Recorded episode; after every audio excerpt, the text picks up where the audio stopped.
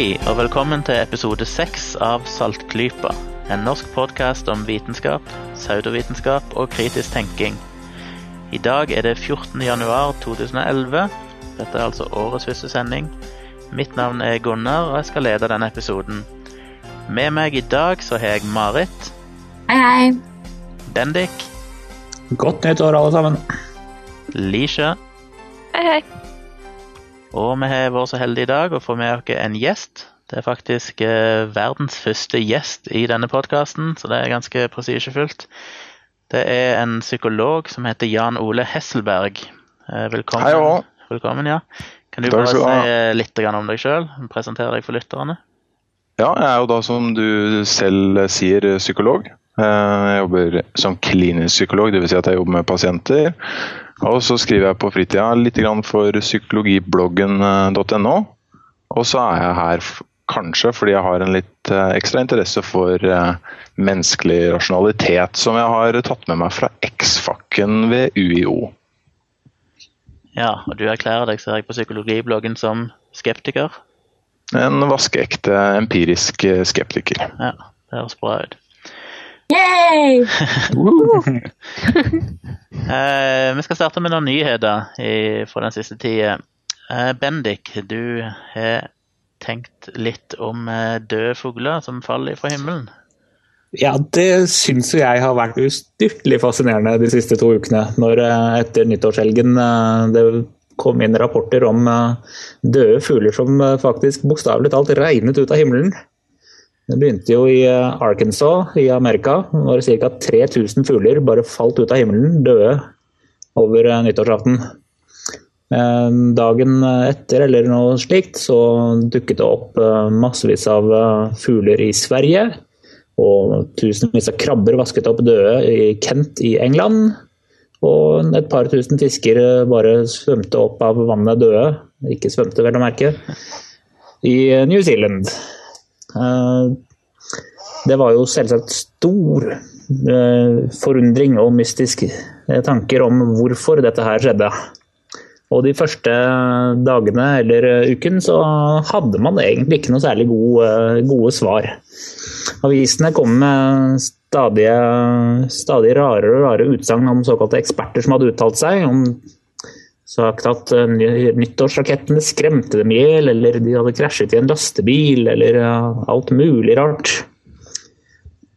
Det morsomme kom jo først da når eh, alle sammen, eller alle lytterne og leserne av disse artiklene fikk lov å komme med sine kommentarer.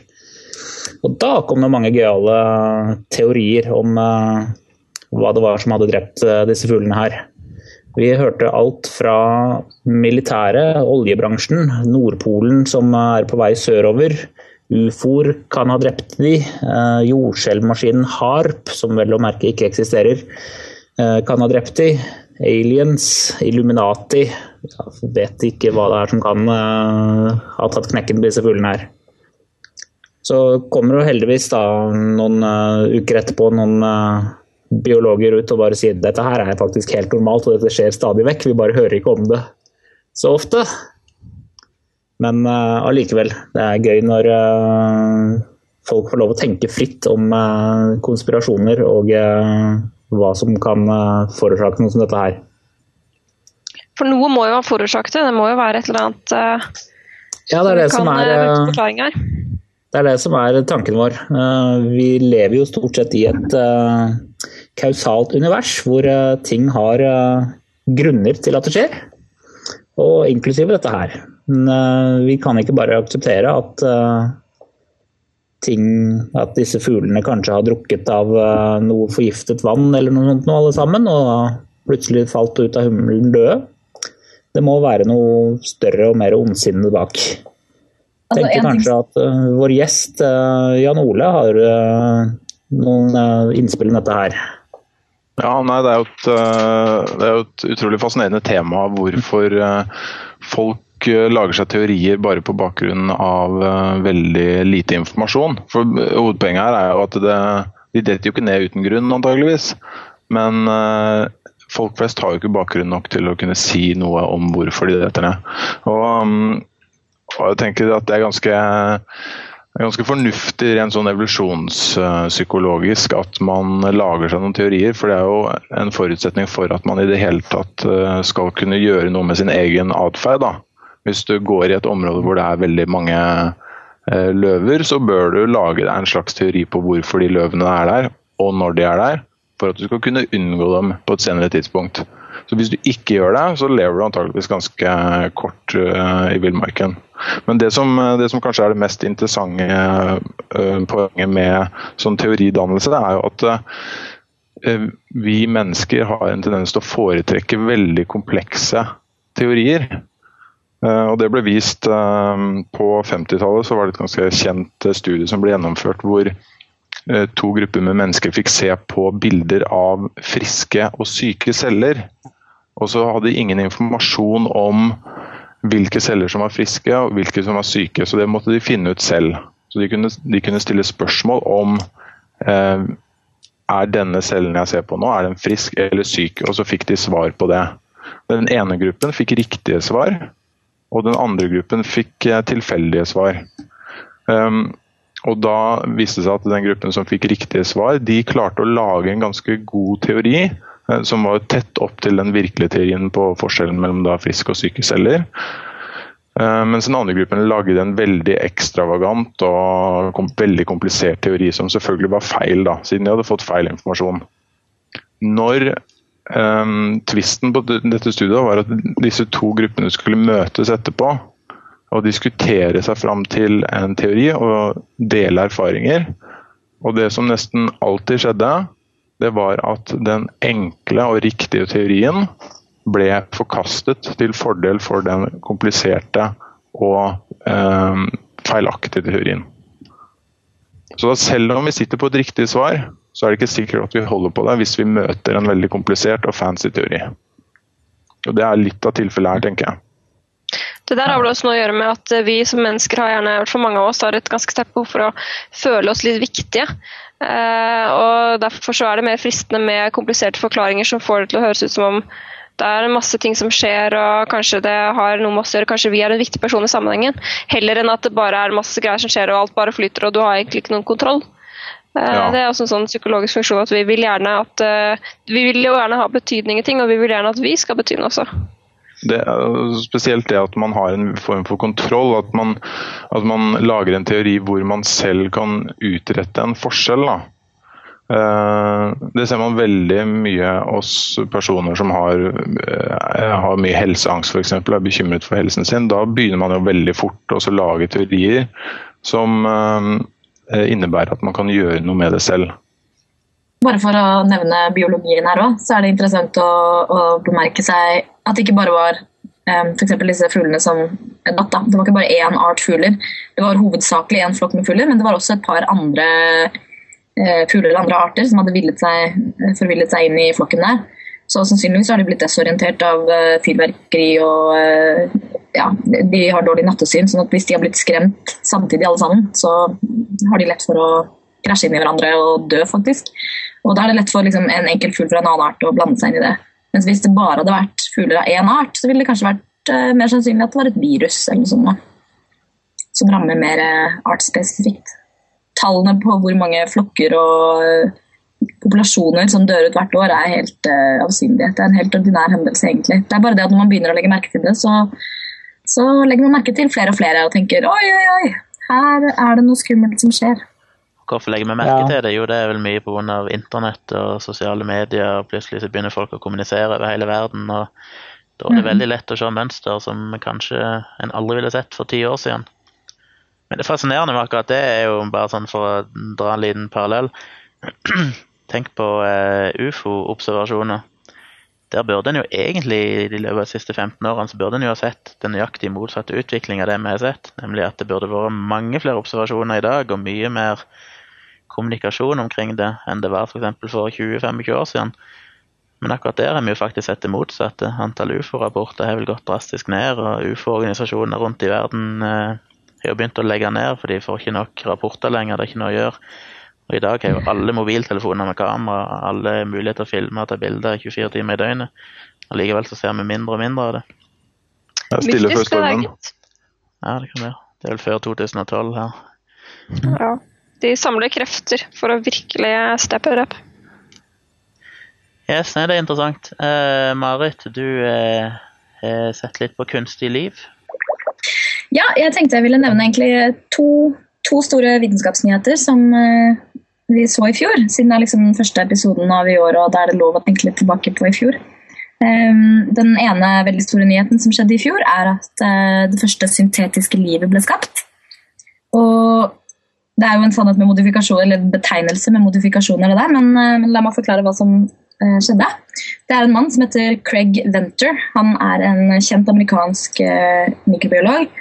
Han har vært veldig sentral i DNA-arbeid de siste ja, 10-15 årene.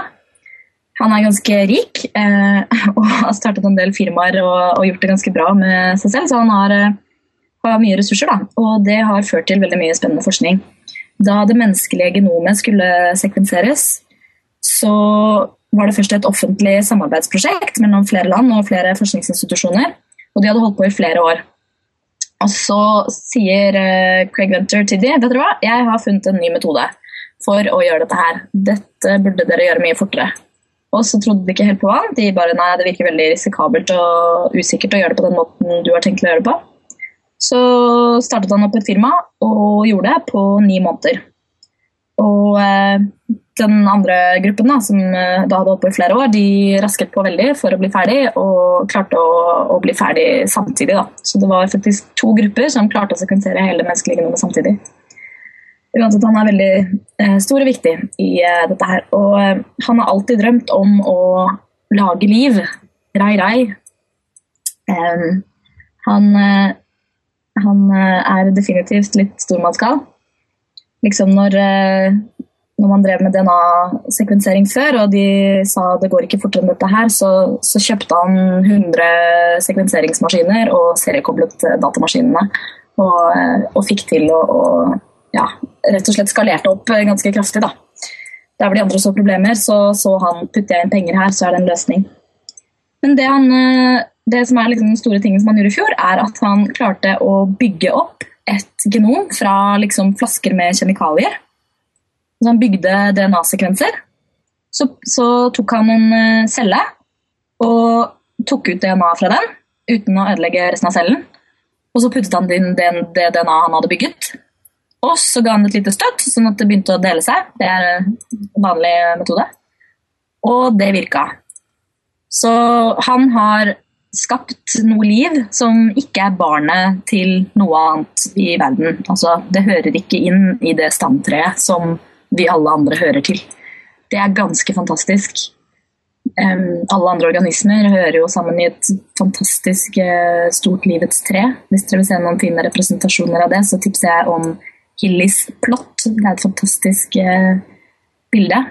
Han var uh, veldig glad, og denne nye organismen da, som eh, faktisk lever og deler seg, eh, den heter Cynthia for syntetisk.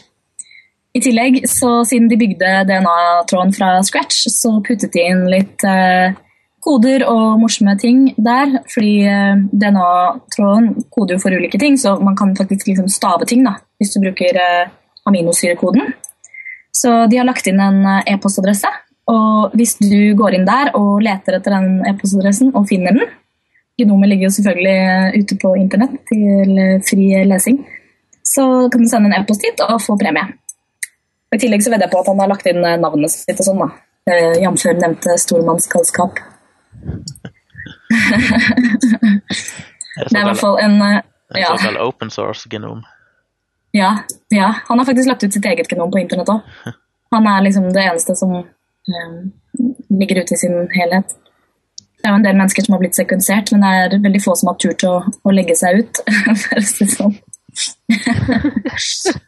Tror du dette er noe vi kommer til å se mer av i fremtiden? At i stedet for at biologer begynner å oppkalle arter etter seg selv eller de de bryr seg om, så stapper de inn eh, DNA med sine egne navn inn i ting? Ja, det kan hende det, men det skal jo litt til å få det inn i alle bakterier i hele verden. da. F.eks. at du putter inn noe altså Det blir som et virus. Det kan vi, lage, vi kan jo lage plasmider og virus som limer seg inn. Kunne vi laget et virus hvor det, bare, hvor det bare står 'Bendik er kul' i, og så bare spredt ut til hele verden? Prinsipielt, Det ja. går ikke. Jo, det gjør det faktisk. Uh, Altså, det er mange Det er, det er jo um, mange genterapier og, og sånne ting som er basert på, på denne typen uh, mekanismer. Da. Hiv er jo et retrovirus. Altså, får du hiv, så, så kopierer hiv-viruset sitt eget arvemateriale inn i ditt arvemateriale. Det er ikke liksom noe som lever ved siden av, sånn som en bakterie liksom gjør det. Bakterien lever utenfor dine celler. Eh, mens eh, viruset går liksom inn i cellene, og hiv-viruset kan replisere seg selv og lime seg inn i ditt arvemateriale. Og det, det har de brukt for, for å lage selvlysende valper og kaniner og mus. Da modifiserer de et virus som ligner på hiv, altså som har evnen til å kopiere seg inn i arvematerialet. Eh, Sånn at det også koder for et fluoriserende protein som er tatt fra, eh, fra en manet, stort sett. Og så får du selvlysende organismer. Det er ganske kult, det også. Bare søk på fluorescent puppies, f.eks. Kan du forklare det med å stave navn og e-postadresse? For jeg, Nå tenkte jeg umiddelbart på at du har liksom fire bokstaver. Du har vel de fire basene, Ja. eller hva det er? Ja, du har de fire basene. Og Og Hvordan får du flere bokstaver? Hvordan er det tenkt? vi har eh, aminosyrene. Altså basene i rekkefølge koder for ulike aminosyrer. Det er 20 aminosyrer. Mhm. Og de har hver sin bokstav som er liksom forkortelse. da. Okay. Så det er jo nesten et helt alfabet. Og jeg tror de har eh, funnet på noen eh, twister der da, for å lage liksom, de siste bokstavene. For eksempel så betyr eh, ja, eh, Nå husker jeg jo ikke noen på rappen, men eh, AAG for eksempel, da, kan kode for én aminosyre. Du har da tripletter av eh, baser som koder for én og én aminosyre. Sånn at AAG blir da G, eller en, en stor G, liksom, glysin. Og så får du, kan du ha GAC, kode for en annen bokstav. GCT, kode for en annen bokstav. AAT, kode for en annen bokstav. Du har jo veldig mange ulike kombinasjoner her, så du klarer å lage et alfabet av disse triplettene da, som, eh, basene, som vi leser basene i. Det er sånn eh, proteinsyntesen foregår også. Det er sånn proteiner eh, lages. De leser av tre og tre basepar etter hverandre eller sammen. Nå regner jeg med at hele næringslivet i Nigeria driver og tråler gjennom dette DNA, dette genomet for å prøve å finne en e-postadresse de kan spamme. Hadde, det bare vært, hadde de bare brukt tiden sin på noe så kult, så Men, men eh, hva, er, hva er egentlig forbeholdet her? For, for meg eh, som er helt ufaglært på dette området, så høres det ut som at uh, dette er å skape liv helt fra scratch. Men så nyheten blir jo presentert som at eh, eller i hvert fall når det blir diskutert, at eh, det, dette er ikke så stort som man skulle tro. Hva er, eh, hva er forbeholdet uh, i forskningen her? Forbeholdet er at uh, han trenger en levende celle, eller en, en cirka-levende celle, for å få dette her til å dele seg. Ja. Han, han har klart å bygge DNA-tråd, men han har ikke Ja. klart å få denne DNA-tråden til å bygge proteiner og sånn, uten at det er et fungerende rammeverk rundt. Nettopp.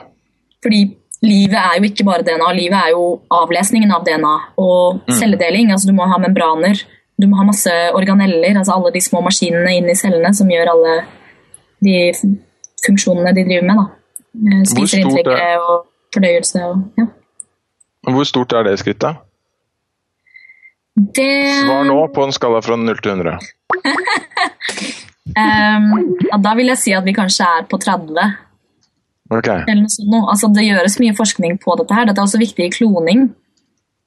Um, i, I kloning også så, uh, ja, så har man de samme problemene da, med at um, DNA-et må liksom inn i en levende celle. Mm. Du kan ikke bare klippe og lime DNA, du må ha noe som virker. Men, men i er alle fall så har han gå. demonstrert at man kan Det er en vei å gå før vi kan bygge livet akkurat sånn som vi vil. I tillegg så det DNA-et han har brukt eh, og bygd opp, det er jo basert på denne cellen som man putter det inn i. Og ja, han, han jobber for å finne ut på en måte hvor få gener man kan klare seg med, og hva, hva de gjør. Men vi er faktisk ganske langt unna å vite hva som er de essensielle genene for å overleve. Det er mange ting som de ikke tror har en funksjon, og så klipper de det bort, og så virker ikke cellen. Så det er en del mysterier å løse her eh, fortsatt, altså. Men, eh, men det er ganske fantastisk at han har klart å lage noe som er utenfor resten av stamtreet. Altså, alle vi andre henger jo sammen. i en evig rekke av liv. Jeg tenker alltid det blir veldig veldig interessant den dagen de kan ta f.eks. ei hudcelle eller et eller annet, og så sette i gang den prosessen som gjør at dette her faktisk deler seg videre. Ja. Eh, for det interessante der tenker jeg blir veldig mye i forhold til f.eks. For abortdebatten. Kommer Mm. den plutselig den dagen enhver celle er et, er en kime til nytt liv? Mm. Da må vi slutte å klø oss, for da dreper vi millioner av mennesker hver eneste gang. Det er jo faktisk eh, noen forskere på Ås og rundt om i verden som jobber med å lage kjøtt på tank. Nam. Og da tar man Mm, altså mm, Spam Mm. igjen. Ja, da tar man musk... Kjøtt på boks. Da tar man muskelceller, og så gir du de et støt sånn at de også begynner å dele seg, som om de hadde vært i en kropp, men de er ikke i noen kropp. Så ligger de og flyter i et sånn næringsrikt medium, sånn at de klarer å ta opp eh, det de trenger, og så vokser de og deler seg og deler seg og deler seg. Eh, problemet her med, med dette inntil videre, det er smaken. Det smaker ikke som vanlig kjøtt helt ennå. Men, eh, men de er på vei. Så det blir eh, snart kommer det etisk kjøtt. Eh, Det var for øvrig en eh, nyhet til jeg hadde tenkt å nevne, som var ganske fantastisk fra i fjor. Det er at de har klart å sekvensere hele neandertalgenomet. Det menneskelige genomet ble først publisert i 2003. Og, og da, I fjor så kom da neandertalgenomet, og det er, jeg må si det er uh, veldig imponerende. De uh, har brukt beinrester som er 15 000 år gamle. Og jeg, mener, jeg har problemer med å utvinne DNA fra 1997 og 1998 i min mastergrad. Så eh, de har vært eh, veldig flinke. De har jo også brukt ganske mye datakraft da, for å sette sammen veldig veldig korte fragmenter. Det de, det de gjør stort sett her, er å, å utvinner masse DNA, som er i veldig korte biter. Og så lager man et puslespill av det. Eh, leser du et sted eh, fem A-er og en T, og så finner du en annen tråd som, har, som begynner på en måte med fem A-er og en T, men fortsetter videre, så overlapper du de og antar at det er en, en rett sekvens. Og eh, ja, De har i hvert fall gjort det, og så har de sammenlignet disse sekvensene litt med oss. Og funnet ut at eh, vi som er eh, i Europa og Asia, Sørøst-Asia og Afrika nord for Sahara Og amerikanerne, da, men eh, de stammer jo mye senere liksom fra, fra de samme gruppene. Vi, vi deler en del gener med neandertalere. Unnskyld, ikke gener. Vi deler en del arvemateriale. Ca. 4 og dette deler ikke de menneskene som, er, som har avstamning sør for Sahara. Eh, Det er mange som eh, mener at dette tyder på at vi paret oss med neandertalerne. Vi som eh, vandret ut av Afrika og spredde oss over resten av verden. Men det er, det er fortsatt litt faglig debatt om det. Og senere, til en, til en annen episode, så skal vi ha et intervju med en som har gjort masteroppgave på neandertalere, og høre hva han har å si om det. Spennende, det gleder vi oss til. Mm. Fascinerende. Eh, Da skal vi gå videre til dagens eh, innslag, som eh, skal handle om cold reading. Take it away, Bendik.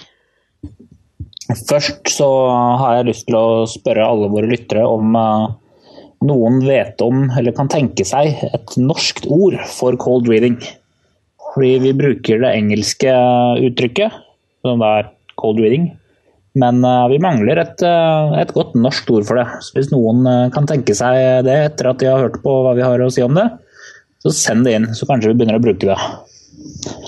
Uansett, cold reading er et konsept som brukes av tankelesere.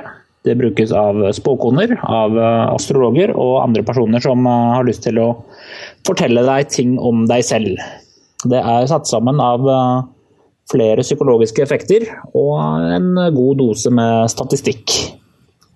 Den første og mest åpenbare er rett og slett å kunne lese kroppsspråket til eh, målet ditt, eller til den personen du skal lese. Vi lener oss gjerne forover hvis vi er interesserte, vi hever øyenbrynene når vi er forundrede, eller vi folder armene hvis vi tviler osv. Ved å bare se, på, se etter disse symbolene, så kan vi lett danne seg et bilde av eh, personen som vi prøver å lese. I tillegg så kan vi utvide det litt med å bruke ting som klesdrakt eller oppførsel, talemåte, generelt utseende osv. På å også få dannet eh, et godt bilde av personen, og dermed kunne fortelle ham ting om seg selv som man ikke nødvendigvis visste. Eh, Så kommer vi inn på de litt mer psykologiske effektene, som er der hvor, de det ordentlige potetene er. Vi mennesker har veldig lyst til at alt skal handle om oss selv. Vi er egentlig noen skikkelig fæle narsissister. Så hvis man blir fortalt et veldig generisk utsagn, så vil gjerne prøve å få det utsagnet til å gjelde for deg selv. Og i den situasjonen du er. Så hvis du f.eks.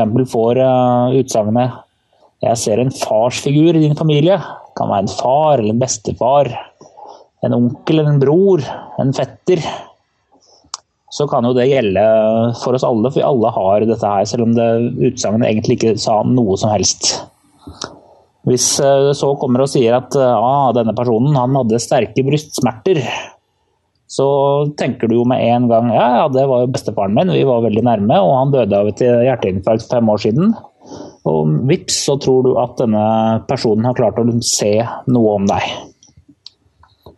Etter det så kan man bare bruke brede, vide utsagn når man gjør en cold reading. Hjernen til lytteren gjør resten. Vi har heller ikke noe problem med å holde to motstridende tanker på, i hodet på en gang. Du er en rolig og sjenert person, unntatt når følelsene treffer deg. Da kan du godt bli festens midtpunkt.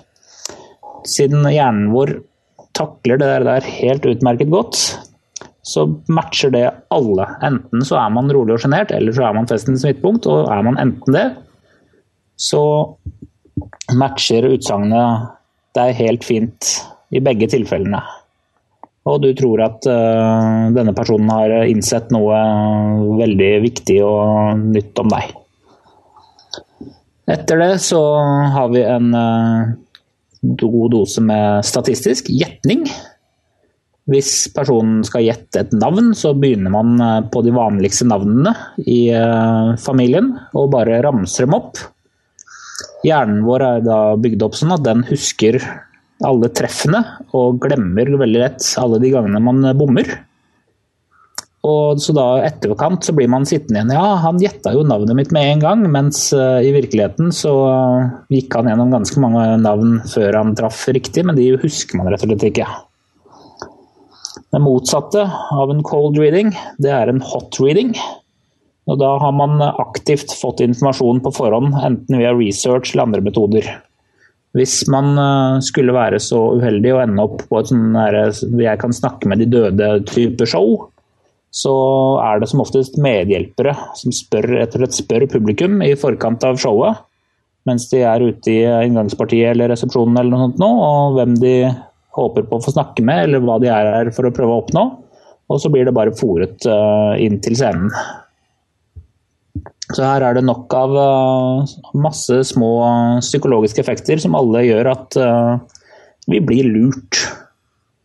Jan Ole, du kan jo utrede litt på noen av disse effektene og fortelle litt mer i detalj om hvordan de skjer, eller hvorfor de skjer.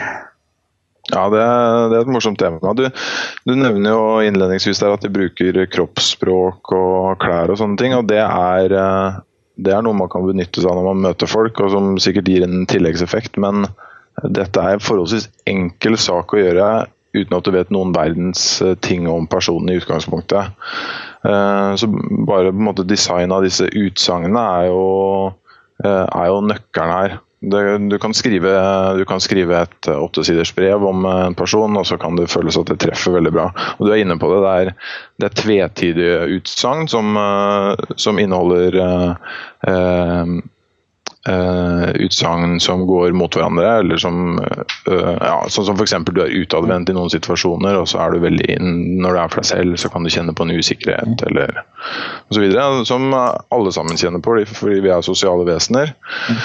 Mm. Um, men de bruker jo også alle ganske sånn uh, konkrete, men likevel allmenngyldige utsagn. Som f.eks.: Du går med en intens drøm om å skrive en bok. Og det er forholdsvis spesifikt, uh, men noe som veldig mange går med en drøm om. Um, og så kaster du ut et stort antall uh, påstander som gjør at overbelaster hjernen ganske bra.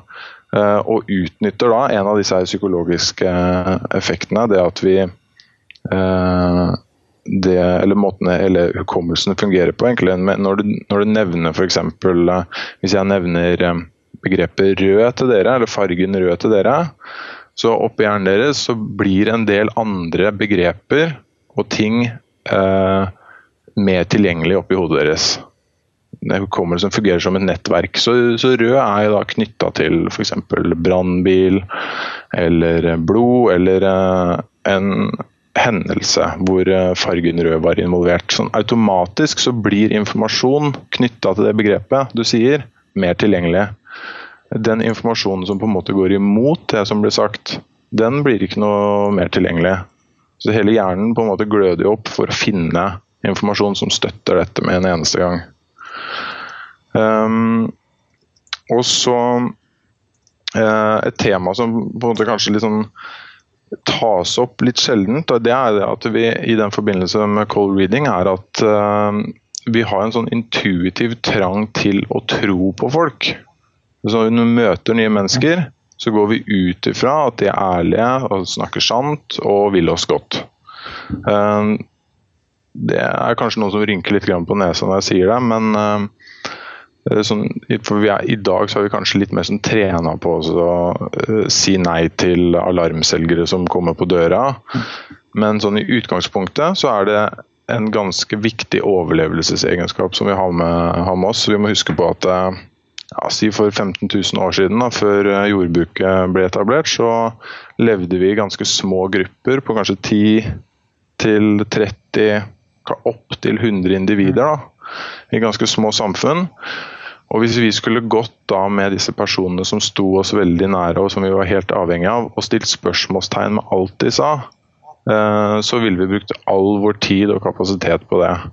Sånn intuitivt, når noen sier til oss at eh, jeg kan dette faget her, psychic reading eller eh, hva de nå kaller seg, så, så har vi en tendens til å tro på det og utsagnene deres også.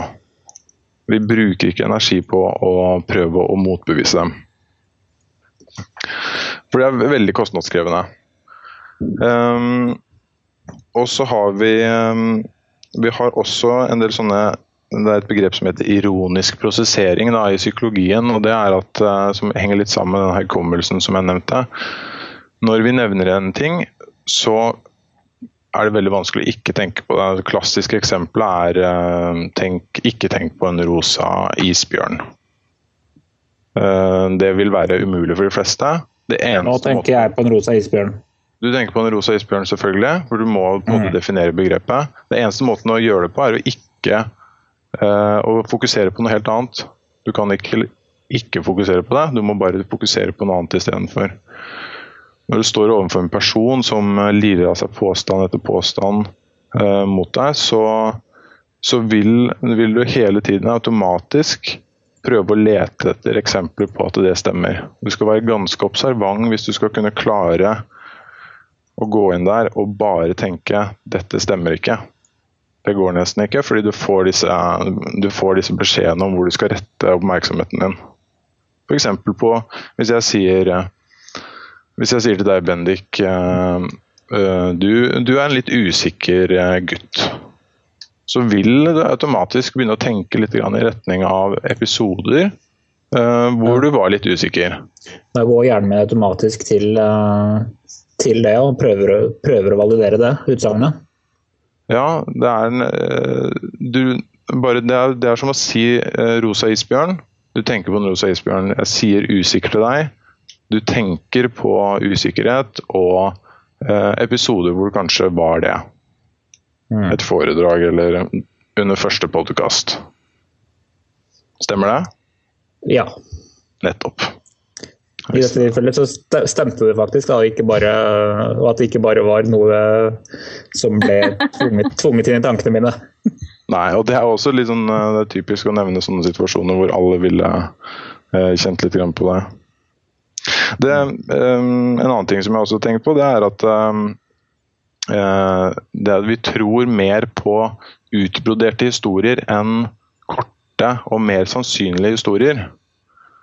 Så f.eks. hvis jeg sier um, uh, du er en blid person, uh, så er det lettere for deg å bruke kapasitet på å evaluere det enn hvis jeg sier til deg Eh, du står opp noen morgener med et smil om munnen eh, og går ut. Eh, da er verden bare bra.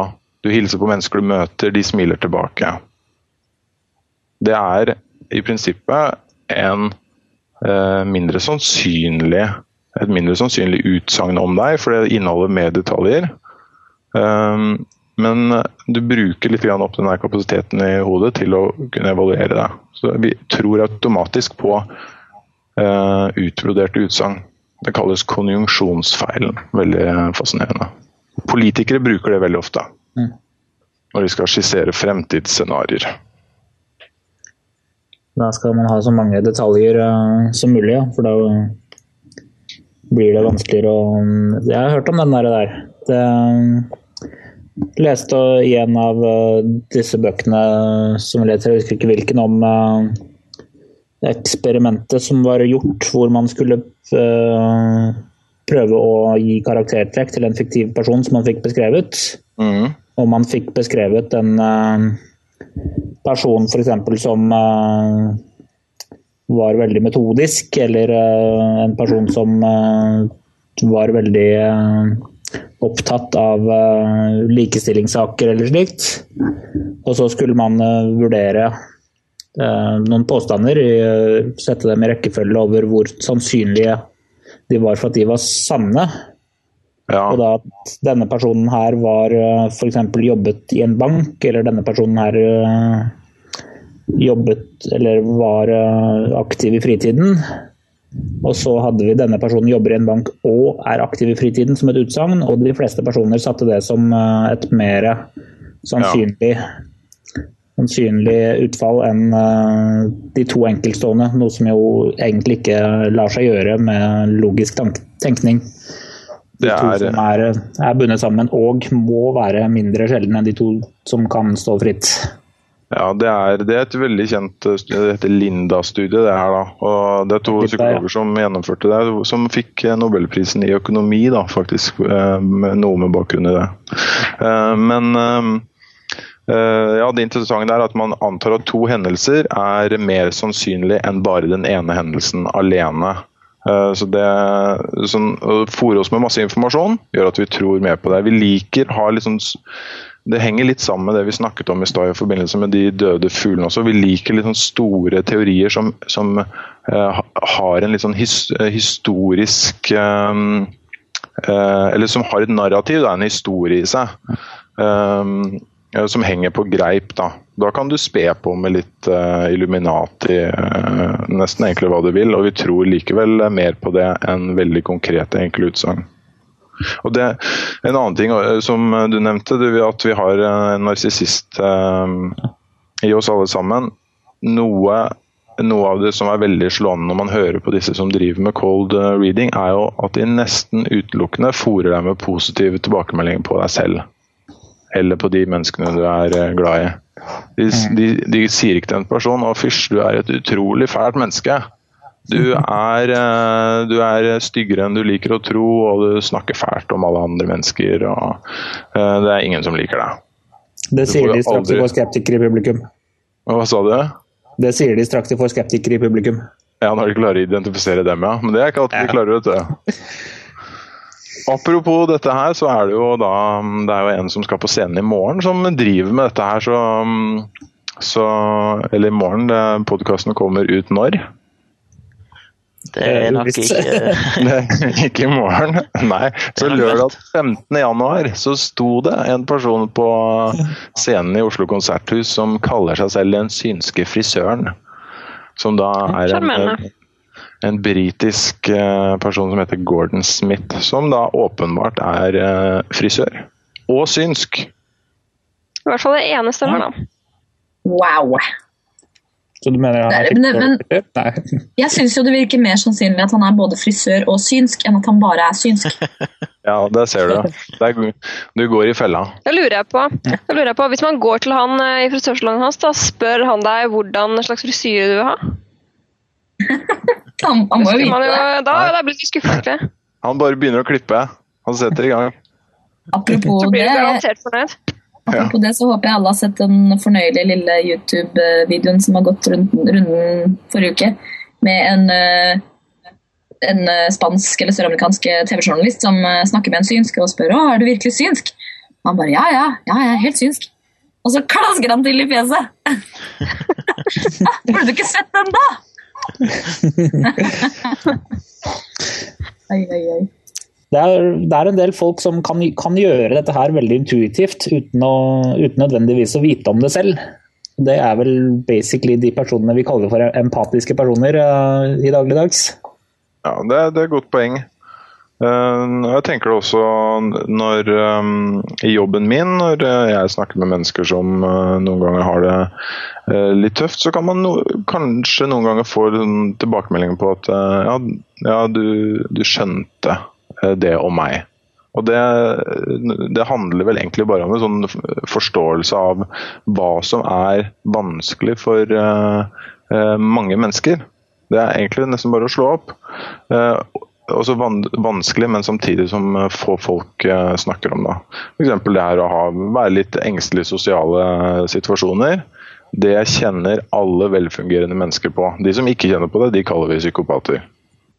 Ja, jeg tror vi runder av der på psykopater. Ja. Det er det beste stedet å avslutte en uh, diskusjon på. Vi går videre. Takk for det. Takk til Jan Ole, som kom med mye interessant informasjon der. Mm. Vi går videre med litt anbefalinger. Eh, Lisha hadde en, eh, bok hun gjerne ville snakke litt om. Ja, det er en bok som eh, en del av våre lyttere sikkert allerede har fått med seg. I hvert fall hørt om. Det er den nye boken til Ivo de Figuredo. Han er jo mest kjent som en meget kritikerrost Ibsen-biograf, men nå har han skrevet en bok om en langt mindre kjent person I norgeshistorien, får man vel si. Eh, det var nemlig en kvinne som eh, levde frem til eh, på 70-tallet, tror jeg. Hun het Ingeborg Kjøber. Hun bodde i Fredrikstad, og der var hun i mange år viden kjent som et medium. Hun kom fra en familie som var ekstremt sterkt knyttet til hverandre. Og når hennes eldste bror døde altfor ung, i 1921, så ble familien helt fullstendig knust. Dette var midt i den verste spiritismetida, og hun plutselig oppdaget at hun kunne kanalisere denne brorens ånd. Eh, og faren særlig grep tak i dette her, og de ble eh, De utviklet det, får man vel nesten si, til eh, nærmest en liten hjemmeindustri. Hun ble Norges mest kjente medium. Hun ble internasjonalt kjent. Folk kom fra andre land for å konsultere henne. Og hun, hun gjorde nesten egentlig ikke noe som helst annet enn bare å være farens medium. Det var han som styrte denne såkalte karrieren hennes. Og hun var egentlig helt, helt i hans kontroll. Og så, eh, igjen hva som virket å være en tragisk eh, svømmeulykke, så døde han. Eh, og med det første så var dette bare ja, det var en trist ulykke, men så ble det oppdaget at han hadde skader som ikke var forenlig med en ulykkeshendelsesdrukning. Og det ble også oppdaget at hans kone hadde underslått en del penger for å opprettholde livsstilen de hadde lagt seg til. Og Pussig nok så hadde denne faren da, han hadde en livsforsikring som var på akkurat samme summen som underslaget. Og den livsforsikringen ville gått ut når han skulle fylle 70 år, var det vel, senere samme år. Og dette førte til en uh, gedigen rettssak og enormt mye debatt i mediene. Uh, og boka den handler da om uh, egentlig hele Ingeborg Kjøbers liv. fra hun ble født og frem til hun døde, men selvfølgelig med stort fokus på hennes spiritistiske karriere og på denne rettssaken. Som virkelig var et mediesirkus uten like da, på midt på 30-tallet. Dette skjedde i 1934, at faren døde. Og den boken den var eh, veldig godt skrevet. Den var ikke så lang som eh, en del av hans andre verker. Den er bare rundt en ja, 270 sider eller omkring, men den er veldig innholdsrik. Uh, han har en masse informasjon, han har masse spennende sitater fra mediene på den tiden. Faren hennes skrev forskjellige bøker om spiritisme, han siterer fra dem. Og han skildrer denne familien og dette miljøet rundt dem på en veldig spennende måte. Jeg synes at denne boken den er ekstremt tidsriktig, for å si det sånn. fordi han forteller også om det, at dette her var en periode mellom de to verdenskrigene hvor folk var veldig åpne for alt mulig vås, egentlig. Eh, spiritismen var stor, og folk trodde på egentlig det merkeligste. Og dette skyldtes jo en at man var i en slags mellomfase hvor man hadde måttet gi slipp på det gamle verdensbildet. Da man kunne ikke lenger bare tro at Gud har skapt alt og Gud passer på oss. Nå har vitenskapen kommet inn og virkelig tatt i. Men samtidig så var det fortsatt på det tidspunktet veldig mye som vitenskapen ikke klarte. Og da ble folk egentlig en litt sånn uh, svevende tilstand hvor man følte at man uh, ja, man trengte åndelig retning, og der kom spiritismen og ga folk mye dette. Og det syns jeg er veldig spennende, for jeg føler at akkurat nå, eh, i vår tid, så er vi inne i en ny sånn periode hvor religionen er i ferd med å dø ut, i vår del av verden i hvert fall. Og samtidig så klarer folk tydeligvis ikke ta inn over seg i hvert fall veldig mange, klarer ikke ta inn over seg hvor fantastisk vitenskapen egentlig er, og hvor mye den kan fortelle oss. Og så kommer det alt mulig alternativt, uh, nyåndelighet og alt dette her, og fyller inn. Jeg vil si at Det er mye av det som ikke er fullt så skadelig som spiritismen var. For den var virkelig en uh, veldig uheldig uh, åndsretning. Men det er jo mye rart ute og går nå også, og jeg føler også at det er på akkurat samme måte som melketida, så fyller det et slags vakuum som har oppstått i vår tid. Og den boka anbefaler jeg virkelig å lese og prøve å se på den fra vår tids problemstillinger så syns jeg den virkelig hadde faktisk veldig mye å si uh, for vår tid også. Uh, det var da 'Mysteriet Ingeborg Kjøber' av Ivo Di Figueiredo. Kom ut i fjor. Uh, veldig god bok, veldig velskrevet, veldig spennende og overraskende relevant for vår egen tid. Ja, vi legger vel ut en link hvis vi har det? i Det gjør vi absolutt. Opptil flere. Yes. Og i kveld så dere kanskje merka at vi har eh, to deltakere av de faste deltakerne som ikke er med. En av de er Andreas, som er ute på reise i Sør-Amerika, så vidt jeg har forstått. Men eh, Andreas, eh, kan du eh, lytte, og se, lytte til å se andre plasser? Bendik, vil du si noe om det? Ja, Andreas han kan vi nemlig se på TV nå i et uh, par uker fremover. Han er med på programmet Lyngbø og Hærlands Big Bang, som går eh, hver fredag på NRK1 klokken fem over åtte. Det er et uh, komishow som tar for seg virkelige saker, hvor uh, Dagfinn Lyngbø og Anne-Kat. Hærland stiller spørsmål til sitt ekspertpanel. Hvor Andreas da er med som representant for fysikkens verden. Det programmet det går i reprise to ganger i løpet av påfølgende uke. Ja, Så kan man også se det på nett-TV-en eh, til NRK. Så ingen unnskyldning for å gå glipp av det. Ja. Alle som lytter her, skal gå og se på Andreas eh, på TV. ja, og eh, vi er jo veldig glad for å få tilbakemeldinger. Vi har ei nettside som du finner på saltklypa.no. Der er det mulig å legge ut kommentarer til hver sending. Du kan òg finne kontaktinformasjon hvis du vil sende noen en mail. Og vi ønsker gjerne å få tips om saker vi kan ta opp, eller hvis du har spørsmål, eller hvis du ønsker å kommentere et eller annet vi har sagt i en tidligere sending, kanskje rette opp en feil eller et eller annet. Eh, eh, du har òg mulighet til å delta i sendingen hvis du ringer opp Skype-kontoen vår, som du finner informasjon om på nettsidene. Da kan du altså ringe via Skype og legge igjen et spørsmål eller en kommentar. Og hvis det er interessant, og det er grei nok lydkvalitet osv., så, videre, så forbeholder vi oss retten til å kanskje bruke det i en fremtidig sending. Så det setter vi veldig pris på hvis du eh, prøver deg på det. Vi har òg ei Facebook-side som du finner på Facebook ved å søke etter Saltklypa. Da får du all informasjon om nye sendinger og annet moro. Der kan du òg legge igjen kommentarer. Vi har en Twitter-konto du kan følge, Saltklypa. Og Der får du òg informasjon. Uh, ja, så det er mange måter å kontakte dere på. Vi er kjempeglade for all feedback vi kan få. Så da vil jeg bare takke for at du lytta til oss i dag òg. Og uh, vi kommer med en ny sending om sånn ca. et par uker.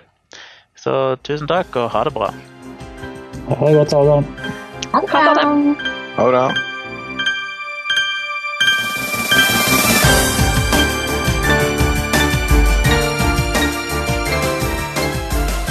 Saltklypa er en norsk podkast som tar for seg vitenskap og pseudovitenskap i samfunnet med et kritisk blikk. Podkasten produseres og drives på frivillig basis av seks personer, helt uavhengig av noen organisasjon. Vi vil gjerne høre fra deg. Hvis du har spørsmål eller kommentarer til dette eller andre sendinger, kan du sende oss en mail, legge igjen en talebeskjed på Skype eller skrive en kommentar på nettsida vår. Informasjon om dette, samt linker og notater til det vi har snakket om, finner du på saltklypa.no. Denne podkasten er laga med utstyr som virker sjøl når du ikke tror på det.